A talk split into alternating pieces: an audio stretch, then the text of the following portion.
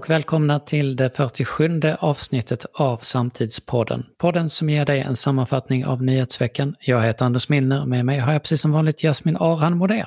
Hallå hallå! Det är idag torsdag den 31 mars. Det är krig i Europa. Imorgon fortsätter fredssamtalen mellan Ukraina och Ryssland. Det är långt kvar till en lösning. Och det är första april så ingen litar överhuvudtaget på Ryssland. på någon. på någonting. Zelensky varnar för en stor offensiv i Ukraina snart. Artilleriattackerna ökar i, i hela Ukraina och fyra miljoner människor har flytt landet. Det här är den siffran som FN trodde möjligen i värsta scenario skulle uppnås i juli. Den är redan uppnådd. Hälften av de här två miljonerna är barn. Inom Ukraina har 6,5 miljoner flyttat, alltså ofattbara 10,5 miljoner totalt är på flykt undan Putins mördare. Det här är den största flyktingvågen i Europa sedan andra världskriget och i Sverige uppskattar man att 200 000 flyktingar kan komma innan sommaren. Och det här betyder i sin tur att, eh, eftersom många är barn, att ungefär 100 000 barn kan behöva beredas plats i skolorna. I Sydsvenskan som skriver eh, några akademiker, Anders Jakobsson, Pia Nygård Larsson och Annika Karlsson, att den stora utmaningen här är att elever med annat modersmål, de kommer antagligen bara erbjudas undervisning på svenska. Det är svårt att få tag i eh, ukrainska eh, lärare som pratar ukrainska. Eh, men samtidigt här bakom så ligger ju också den pågående och djupt fördummande debatten som har pågått nu i 20 år om att det vi vet, det vill säga att elever eh, tillgängliggör sig ett ämne bättre om de får undervisning på sitt modersmål. Och att man lär sig det andra språket bättre om man också har det vi kallar för hemspråksundervisning. Eh, det har man ju velat sopa bort i den här eh, korkade, alla ska prata svenska i skolan, vi är i Sverige, vi ska prata svenska här. Och ja men det är ju, det är ju, det har ju varit så. Ja, ja absolut. Sverige, vi skrattar ju lite för att det är Ja, vi vill liksom så... inte ens ta till oss kunskapen om att det, det, funkar bättre när man har det på sitt eget språk. Och är, är det inte bra att ha flera språk, tänker jag? Man kommer ju dessutom lära sig svenskan eh, också. Ja, ja, ja, det, det, är, det är fint att det kommer upp igen och hoppas att... Mm. I tio fall av tio så blir de här Sverigesarnas argument katastrof. Oavsett hur de genomförs. Mm. För alla inblandade. Mm, exakt, exakt. Men jag tänker så här Anders, när du säger det här att vi ser då ett, ett problem med att man kanske inte har lärare som kan ukrainska nu. Om man nu, nu liksom går på den här linjen och inser att ja, men vi behöver göra detta på, på eh, ursprungsspråket. Eh, och det gäller ju då också andra som har eller kommer hit från andra länder ska man bara säga. att Det är ju, det är ju trots allt inte bara eh, de som kommer från Ukraina som skulle behöva detta. Eh, men om man då tittar på det, isolerar det och säger att ja, men vi har för få som kan ukrainska. Eh, I dessa tider, va, efter två års pandemi, nog 17 skulle vi kunna koppla på folk från hela världen, höll jag på att säga, men, men från andra delar som kan ukrainska. Som kan vara de lärarna som hjälper de eleverna. Alltså var lite innovativ. Hörni, ni som bestämmer. Jag är så trött på att alla säger att det inte går. Det är klart, allting går. Det är bara det att vi har en liten digital backlash här i skolan samtidigt också, där vi ska återgå till gammal katederundervisning och där allt digitalt är dåligt. Den kommer ju faktiskt ganska tydligt med eh, den här diskussionen om, om eh, friskolor som pågår. Mm. Där har man den med, det kommer en bok ganska, om den har kommit eller är på väg att komma, som handlar just om, om eh, digitaliseringsvurmens skadliga effekter och, och vad liksom IT-evangelister sa förr. Eh, och det ledde också till en, en del problematik framåt kan jag tycka. Mm. Ja, men det gör det och jag tror att eh, återigen där måste man ha flera tankar i, tankar i huvudet eh, samtidigt. Det finns ju klart att det är delar av digitalisering precis som allt annat som är, är mindre bra och mer bra. Men Men att fokusera på hela tiden det som är det bästa av de här olika verktygen och se hur kan man kombinera för den bästa eh, effekten av det. Det, det, behöver, alltså det här svartvita som vi, mm. vi slänger oss över hela tiden. För att det, är så det är möjligt att det, att det finns, men jag har inte sett så stor diskussion av vad lärde vi oss inom skolan av, av eh, den pandemin. digitala undervisningen under pandemin. Hur ska vi gå vidare, hur kan vi göra det bättre? Jag har inte riktigt sett, men den kanske förs i, i stängda skolforum? Ja, men jag, det, det, har jag faktiskt hört lite att, att vissa tar, har ju tagit med sig en lärdom att, eh, att det faktiskt går att koppla upp ganska enkelt om någon behöver vara hemma av olika anledningar. Det är klart, är man jättesjuk så ska man ju ändå inte vara med i undervisningen oavsett om man är lärare eller elev. Men, men det har jag förstått. Men, men där är ju igen, vissa är mer öppna för att fortsätta och erbjuda eleven eller läraren den möjligheten och i vissa fall så bara, och fy fan, nu är vi tillbaka, nu ska vi inte hålla på med sånt. Eh, min, min son fick ha med sig, eh, när han var sjuk här för några veckor sedan så fick någon kompis till honom ha Facetime på hela tiden så han kunde följa lektionerna och det var väl eh, fine, det hade vi inte sett innan pandemin. Men det är klart att lärarna hade kunnat liksom ganska enkelt sätta upp någon typ av så han kunde vara med och följa. Det är inte jättesvårt. Så det, är nog en, det handlar nog mer om vilja. An, eh. antagligen gör det det. Mm. Vi var ju inne här på de här Sverigesarnas argument att alla ska prata svenska och sådär. Intressant är i veckan att Säpo gick ut och varnade för att allt fler unga radikaliseras på nätet och, och att mm. antalet minderåriga som, som de uttryckte det kan ha för avsikt och, och, och även ha förmåga att delta i högerextremistisk terrorverksamhet förefaller öka. Mm, usch, obehagligt. Mm. Obehagligt och här ser man ju också, tycker jag, en tydlig, men, sättet vi pratar spelar roll. Mm. Och den här explosionen av eh, förfärligt sätt att diskutera som har spritt sig väldigt högt upp i politiska kretsar och förfärligt sätt att relatera till andra människor. Och att framförallt när man eh, skriver om, om eh, om muslimer.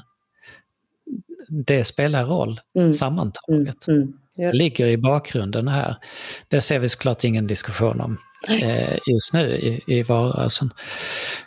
Magdalena Andersson öppnade lite för ett svenskt NATO-medlemskap i eh, veckan mm. och sa att eh, jag tycker inte att man ska utesluta någonting i det här läget. Mm. Vi ska göra det som är bäst för Sveriges säkerhet nu och i framtiden. En liten öppning jämfört med hur det lät tidigare när de sa vi ska inte ens prata om det här för att då destabiliserar vi just det, just det. den här delen av världen. Och vad säger då svenskarna om detta? Jo, det görs ju undersökningar och någon ny kom här nu alldeles i, eh, för någon dag sedan.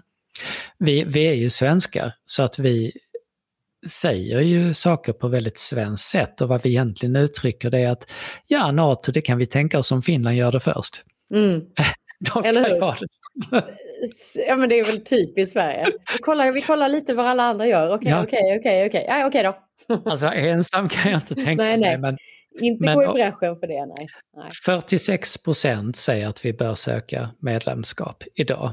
Men det som verkar ha svängt här, som jag läste i DN i veckan, var att tre av tio NATO-motståndare är då beredda att säga ja, trots att de är motståndare, om Finland mm. gör det först. Mm. Mm. Vilket är kanske problematiskt, för om jag har fattat rätt så säger Finland att ja, om vi ska ansöka så måste vi göra det tillsammans ja. med Sverige. Men det kanske är så att om de, de säger det och säger att då gör vi det om ni hänger med, då kanske vi ändå hänger med. Men vi skulle ju aldrig gå fram först och säga vi gör det om Finland gör det, förstår du? Ja. vi måste bli med. Jag, jag ska bara liksom eh, referera till en gammal undersökning jag gjorde för väldigt många år sedan när jag precis var klar eh, med min eh, politiska magister och gjorde en undersökning om det finska och svenska medlemskapet i EU, hur det påverkade det nordiska samarbetet i FN. Och jag pratade med alla utrikesministerierna om liksom olika sätt att angripa frågor. Och det här är ju Sverige i ett nötskal och det fortsätter. Detta var ju ändå typ 20 någonting plus år sedan. Va? Eh, men hela tiden detta att man vill, vara, man vill vara med överallt. Men man är liksom aldrig riktigt i förarsätet. Utan man bara liksom, åh, åh här, är, här, vi är också med. Så fort man har sett att alla andra har räckt upp handen så, ja men nu, nu, nu, nu kan jag räcka upp handen. Fortsätt. Men har du en kö så måste någon stå längst bak i den också. Alla kan inte Eller stå längst fram. Eller i mitten. Ja, den, den roligaste eh, mediediskussionen i den här veckan har i alla fall gällt mediebevakning i sig självt och journalistiken. Och eh, där har vi då vdn för eh, elsparksbolaget Voi som gick loss på Twitter och, och LinkedIn. Och eh, han hade pratat med Klarnas grundare om detta och de kom fram till idén att man skulle ha någon ny, som jag fattade då, någon slags statlig oberoende plattform. Och där kunde då företagsledare ge sin syn på saken när de då blivit orättvist behandlade i media, när de blivit granskade på ett sätt som inte stämmer. Så skulle man ha det som, att, som en check att det finns så här är det på riktigt. Som någon slags system för, för uh, att, att ta hand om misshandlade företagsledare. Jasmin, du har ju blivit intervjuad ganska många gånger Mm. i media, Mm. eller hur? Mm. Har, har du känt dig, uh, har du Misstolkad. känt dig dåligt, dåligt behandlad någon gång? Ja, men, Du behöver inte säga någon journalist eller... nej, nej, nej, nej. nej, men jag tror att det, det ligger väl ett ansvar hos mig själv också att, att be och få se vad som skrivs om det går såklart. Att, att liksom, för det, det är klart att i eh, intervjufall eller eh, liksom, om man nämns på olika sätt eller citeras så kan det ju bli draget, taget ur sitt sammanhang eller missuppfattat. Så det, det, det väl, handlar ju också ganska mycket om mig själv och hur, jag, hur tydlig jag är med vad jag försöker säga. Men allt Eh, kan du inte styra, du kan ju inte styra kontexten. Absolut inte. Och då får man ju se, jag menar, det, det, man kan ju inte... Men har det hänt någon gång att du känt dig så här, ja men för helvete, det här var ju, det här var nej, varför gör de så här? Ja men lite så kan det vara. Men jag, jag så här, jag tror ju, eh, jag kan liksom inte riktigt komma ihåg exakt vad som sades eller vad som hände. Men jag kan nog tycka att många gånger så får jag nog rannsaka mig själv. Eh, var jag otydlig? Är det jag som har gjort något? Är det jag som har tolkats på ett sätt som faktiskt uppfattas så? Eh, där är det väl en ömsesidig. Jag tycker det, man kan ju inte alltid bara säga att den här idioten som skrev om mig, det var hens fel. Sen kan det ju vara så. alltså att man har varit, det har vi ju pratat om innan, att, det, att man kanske har för lite tid på att försöka göra en, en djupdykning vad som egentligen har hänt. Men Jag hade du inte, då velat ha... Ja men, ja, men det är klart. Jag har ju varit med i medierna jättemånga gånger och i Mm. vissa fall är det ju, är, är det ju folk som är ute, har varit ute efter en. Ute, alltså sådär, ja, ja. sådär. Nu ska jag sätta, det har ju varit flera sådana fall. Men jag har ju rört mig mer i, i den där kultur, opinion och debattsfären. Mm. Där hör ju det till lite grann. Mm. Eh, Men hade du då velat vid de tillfällena, hade du velat ha en sån här statlig sida där du hade kunnat gå in och skriva din, din, Min syn på saken. din syn på saken? Hade du använt men- den om den? Nej, jag hade aldrig använt den. Eller hur? Nej. Alltså, vad är det för sanning då? Alltså, jag vet inte. Nej. Jag, ska, jag har tre exempel här Mm. eh, på personer som nog skulle vilja ha en sån. Mm. Den ena är eh, Jonas eh, Jarebko. Han är basketspelare och eh, det kom nyheten igår tror jag det var att Mm. han har skrivit på för ett ryskt lag Mm. Känns sådär. mitt under kriget. Mm. Han har tydligen haft svårt att hitta en klubb. Och eh, nu har han fått ett kontrakt och det handlar om att han vill spela. Han hade nog efter vad han har fått eh, skrivet om sig gärna Fått berättat att han egentligen bara vill spela basket och att han säkert tycker att kriget i Ukraina är dåligt. Men han vill ju spela basket. Exakt. Och då, och då skulle någon annan då kunna liksom ta hans sanning och säga "Ja, det- jag håller med eller inte, eller hur? På den då.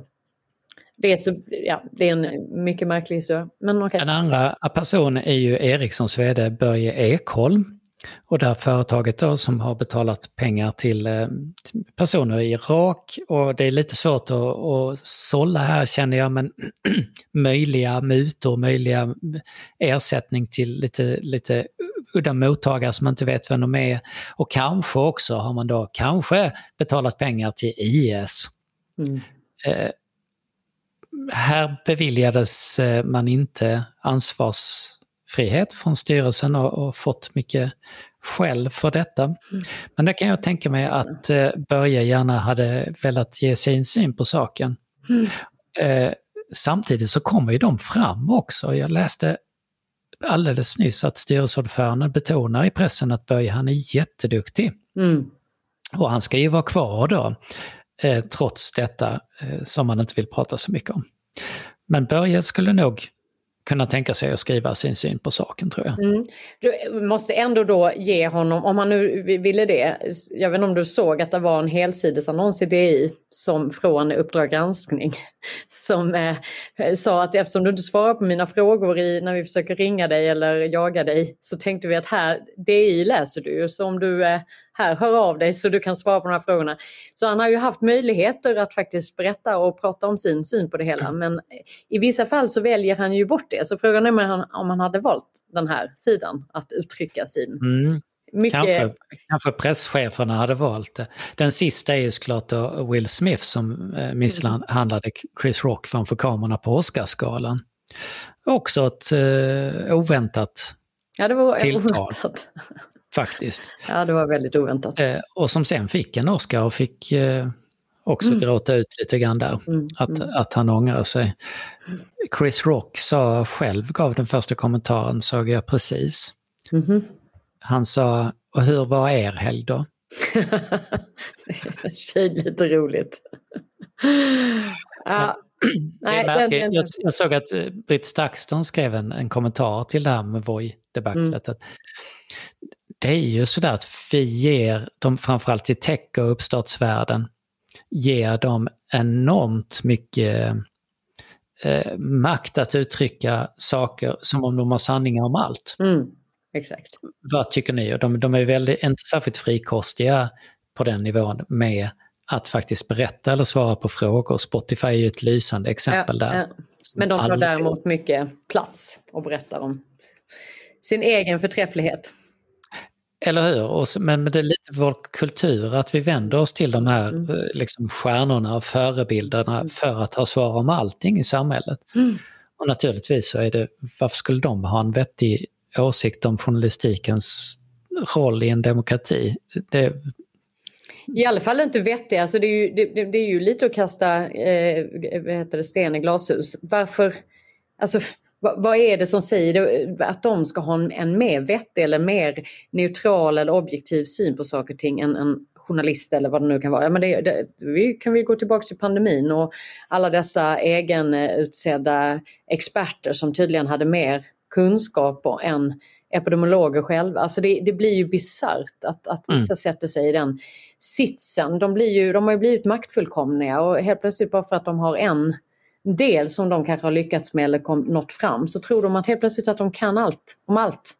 Mm. Och har rätt att berätta för allt, eh, alla andra hur saker och ting är. Som vi. Som vi. Ha, hade det funnits en sån här sida, hade det funnits en sån här sida eh, på nätet i alla fall, så kan vi ana vad Fredrik Hjelm själv hade skrivit på den. För det sa han nämligen till Breakit. Mm. Han sa Ja, jag får bara erkänna att jag missade målet ganska rejält och man får lära sig från alla personer som kan mycket bättre och vara tacksam för deras input, sa han när han då pudlade från det här förslaget som ja, man har diskuterat hela veckan. Så ja.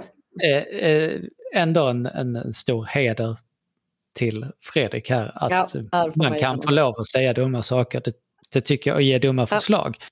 Annars kommer vi inte vidare. Men det är bra ja, också om man kan pudla när man har fel. Ja men exakt, att bara ta emot och se oj då det här var ju en konstig grej. Men om vi inte får ut det ur huvudet då kommer det ju i huvudena så kommer det ju aldrig nya roliga idéer. Nej, det är väl, det det. Bara fortsätt med det men ta emot kritiken och vänd i så fall om det känns som att det här kommer inte hålla. Den första till andra juni så arrangerar vi en konferens som heter Push Summit. Vi har nämnt den lite tidigare, nu är programmet faktiskt ute. Eh, inte helt klart, men, men stora delar av det är, är på plats. Eh, kort Jasmin, Push Summit, vad är, vad är det? Ja, men det handlar väl om att vi eh, tycker att vi behöver ha fler personer eh, oavsett om det är i egenskap av privatperson eller om du är medarbetare eller företagsledare eller politiker eller tjänsteman. Att vi behöver fler som har lite mer eh, eh, mod och vågar eh, ja, men stå upp för till exempel demokratiska rättigheter eller för att vi måste jobba med klimatet. Att kanske ställa sig upp och säga att hörni, det kanske inte är okej att vi sänker bensinskatten just nu i en värld där vi har en, en, en större klimatkris än någonsin. Eh, och, och liksom tillbaka det vi pratade innan om Will Smiths eh, konstiga utfall häromdagen. Eh, på inget sätt eh, eh, eh försvara honom. Men någonstans att våga börja ställa, stå upp när man hör eller ser saker och ting som inte känns rätt. Som sagt, jag tycker inte hans, hans sätt att göra det Alltså det var ett dåligt exempel. Väldigt dåligt. Ja, men det är ändå, någonstans så måste vi också, vi kan inte bara god, tycka att, att saker och ting är okej okay om man ser att någon behandlar någon annan på bussen dåligt. Och då menar Nej. jag, ni kan inte gå och slå folk. Mm. Men man kan också ställa sig upp och säga, det är inte okej okay att vissa människor behandlas på ett sätt och andra på ett annat sätt. Lite orolig till exempel för eh, Ukraina-krisen. Jag, jag, tycker det är helt rätt att öppna upp så som vi gör för de som flyr från Ukraina på alla sätt. Men vi får inte glömma alla de andra i världen som också behöver fly av all, massa skäl. Eh, vi, återigen tillbaka till liksom klimatdiskussionen, att inte sätta ner foten vad som är viktigt nu. Att, och, att faktiskt liksom, räcka upp handen och säga att det är okej okay att vi får det lite, lite, lite på marginalen sämre för att kunna sluta mata monstret Putin. Mm. Och det är väl lite det som eh, Push ska handla om, att ge verktyg till att våga och kunna ta steget och göra förändring. Har vi två dagar första till andra juni och vilka vill vi ska komma? Jag tycker att det är, det är en, en bred ansats. Jag tror att det är många som kan göra skillnad i de roller man är i, eh, oavsett om man sitter i en organisation, offentlig sektor, företag, för att faktiskt våga sitta på ett måndagsmöte och säga men jag tycker inte vi kan längre försvara att vi säljer produkter i Ryssland. Jag tycker inte vi kan försvara att vi inte har en större mångfald på vårt jobb. Eh, jag tycker inte vi kan försvara att vi fortfarande ser x antal människor utanför arbetsmarknaden som vi faktiskt inte öppnar upp och ger en möjlighet för arbete. Eh, så jag skulle säga att det är en ganska bred, eh, men man får ju, det är klart att är man helt eh, ointresserad av att förändra det vi har framför oss, ja då kanske man ska strunta och, och lägga den tiden där. För då kommer de ju inte vilja förändra sig ändå. Jag vet inte, vad tycker du? Ja, men, nej, men jag tänker sådär att målgruppstänkande är ju svårt när det gäller frågor som berör hela samhället och hela världen. Och inbakat i den här frågan det är ju att vi behöver alla människor för att kunna lösa det. Mm. Det är inte så att ett handfull experter kan lösa klimatkrisen. Det är inte så att ett handfull folkvalda kan lösa demokratins utmaningar eller öka inkluderingen i samhället. Vi måste ju alla vara med. Mm. Jag skulle vilja lyfta två talare här Eh, bara kort. Den ena heter Matt Finch, en extremt eh, trevlig eh, engelsman som har pratat både i eh, engelska och australiensiska parlamentet. Han eh, är framtidsspanare och strateg. Och vad han gör det är att han gör, jobbar med, med att förutspå var framtiden kommer landa beroende på vad vi gör idag. Så han gör normalt, och det ska han göra på Push också, eh, fyra stycken scenarier baserat kring klimatkrisen. Mm. Det vill säga vad vi gör idag Mycket spännande. vad vi mm. handlar mm. imorgon. Och beroende på våra insatser så kan det här bli på fyra olika sätt, såklart i en skala från det bästa till det värsta. Som innefattar hela samhället. Otroligt spännande att mm. ta del av och eh, även väldigt så handfast och begripligt. Mm. Vad vi kan och måste göra idag och vilken effekt det faktiskt får. Det kommer bli väldigt spännande. Otroligt spännande. Jag är superglad att han kommer. Och den andra talaren som vi bokade på igår som jag också är väldigt glad är Isabella Lövin. Mm. Och eh, Isabella Lövin är ju såklart känd för att hon varit språkrör för Miljöpartiet. Hon har också varit klimat Ministern har varit vice statsminister, hon har varit Europaparlamentariker och hon vann Guldspaden för eh, sin bok Tyst hav. Mm. Eh, nu har hon lämnat partiet och är på väg ut, inte partiet, hon har lämnat politiken. Jag vet inte om hon lämnat partiet, Nej. det tror jag inte. Eh, och hon är på väg ut med en ny bok som heter Oceankänslan. Och den kommer om en månad. Står så här, det har varit hårda år i politiken, framförallt åren som minister och språkrör för Miljöpartiet. Den tjattrande kören av oförnuft och egenintressen har tärt på mig. Och det har till slut fått mig att bli fullständigt övertygad om att det bästa jag kan göra av min stund på jorden är att inte vara politiker utan att berätta. Mm. Boken handlar om eh, en skildring av hennes tid i politiken men också den här huvudfrågan, vilket var spännande för det var precis vad vi hade när vi satt med programmet till konferensen.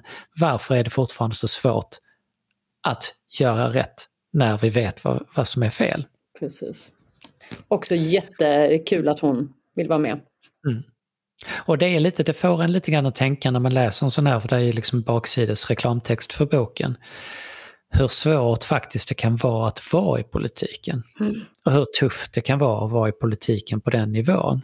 Att folk inte riktigt orkar med det fastän de har drivet och viljan att förändra. Mm. Så efter ett tag så, så, nej men det här mäktar vi inte med. Och där har vi nog ett litet, eller ganska stort problem egentligen. Mm, ja, vem, ska, vem ska orka vara politiker? Mm. Och orka driva de här frågorna. Mm. Och sen kommer det dessutom upp liksom parallellutmaningar, krig, pandemi, annat. Mm. Eh, det blir ju övermäktigt, man får liksom inte riktigt eh, med sig folk. Nej. För då tycker man att men herregud, vi måste koncentrera oss på något annat just nu. Nej, ja, det, man, man ska ju säga så här det är all heder till de som orkar eh, oavsett parti, får man ju ändå mm. säga. Så under konferensen kommer hon ge sig en bild av eh, hur det går för oss och kommer gå för oss att möta de här utmaningarna, vad vi behöver göra för att, för att eh, lyckas. Men också varför det är sådär att fastän vi vet vad vi behöver göra egentligen så blir det inte gjort.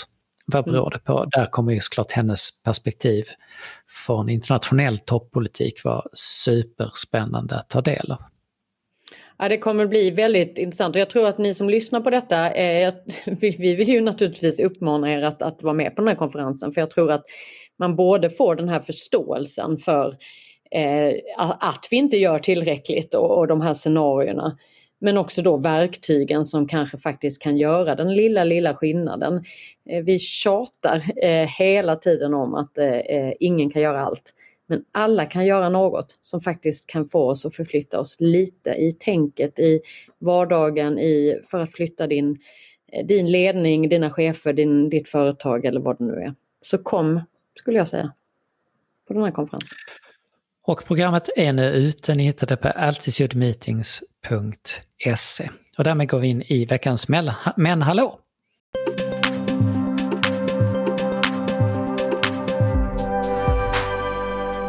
Och här ska vi bege oss till Sunderland i Storbritannien för här har man i en kyrka hittat en liten handskriven lapp som en liten pojke gömde 1897. Oj. Nej. Man kan sitta och skriva sådana lappar och så kan man peta in det. Jag vet inte om du gjorde sånt när du var liten? Nej, det har jag inte. Hej, hallå, här är jag. Efter 125 år så eh, har vi då denna, denna föräldralösa William Elliot som sitter i kyrkan och skriver en lång lapp där han bland annat skriver Om du hittar den här lappen, riv inte isär den, släng inte iväg den, bevara den i minne av mig, William mm. Elliot. Jag var den ledande kårgossen i kören. Nej. Oh. I love you if you love me. Nej men vad fint. Vem är han då? Ja nu är han nog inte så mycket. 1897. det var inte konstigt om han hade levt. Vad dykt upp som världens äldsta man. Men väldigt, väldigt fin mm. historia och, mm. och vi är glada att vi hittade din lapp, mm, William. Verkligen, verkligen. Det är torsdagen den 31 mars idag. Idag 1889 så står faktiskt Eiffeltornet klart. Mm, grattis! Hur lång har du varit uppe i Eiffeltornet, Jasmin? Ja, när jag var väldigt liten och sen så tycker jag när jag var tillbaka i, när jag är äldre så tycker jag det är så läskigt att komma så högt upp. Ja, det är det Då vill jag inte åka upp. Hur lång tid tror du det tog att bygga Eiffeltornet? Ja, jag har vetat detta men jag, nej, jag kan inte säga det nu. Två år byggdes det på, 1889. Oj! Eh, för att då eh, såklart fira 100-årsjubileet av franska revolutionen. Alla hatade det i, i, i början Just det. och ville eh, riva det men sen Mm. blev det väldigt, väldigt populärt. Mm. Det skulle ha stått i 20 år från början. Men nu Ja. står det fortfarande kvar. Det står fortfarande kvar. Det är vi glada för. Något som också står kvar det är Stockholms stadsbibliotek som ritades av Gunnar Asplund. Det invigdes idag 1928. Och då kan vi Mhm. så Mhm. Stadsbiblioteket, vi har Eiffeltornet, 1889, det tar två år att bygga. Stadsbiblioteket tar tio år att bygga. Oj! Och där Okej. någonstans tycker jag det, det liksom, nu för tiden så tar ju folk saker oändligt lång tid att bygga. Ja, ja, ja. Ja, men det tar ju det. Förutom ska vi också säga att vi som då snart kommer finna, befinna oss i, även i Lund, där är det hus som vi ska flytta in i om två år, The Loop. Det ska ju inte ta mer än två år. Det är dock inte lika stort som Eiffeltornet, ska vi också säga. Men det kommer bli lika bra. Nej, det kommer bli lika bra. Alla vill besöka bra. det. Mm. Idag 1967 så satte också Jimi Hendrix eld på sin elgitarr för första Mm. gången när han uppträdde i Astoria i, i London, England. Han sa dock att det, var, äh, men det blev något fel eh, med elen, det blev något fel på, den är ju inte inkopplad i el, men han, han sa, han ville liksom inte fronta det där för att han testade det från början att se vad, vad, vad händer. Vad var reaktionen? Mm. Ja, intressant. Folk blev lite chockade. Mm. Man hade inte sett det innan. Nu för tiden så, så ser man ju elden. Hade det- kom Hade man bara ryckt på axlarna idag? Ja, så första Mm. gången så det är lite crazy och det är Mm, väldigt mycket edge att faktiskt tända eld på sina Mm, instrument. Mm, mm. Det är inte så mycket återbrukstänk, tänker jag. Nej, Nej, men det tänker vi på och eh, vi återkommer då kan man ju säga. Ni får återbruka oss. Ni, eh, det här var allt för oss från eh, eh, Samtidspodden som produceras av oss på Altitude Meetings. Och vill ni veta mer om oss så söker ni helt enkelt på altitudemeetings.se eller i våra sociala medier. Vi hörs om en vecka. Ha det bra så länge.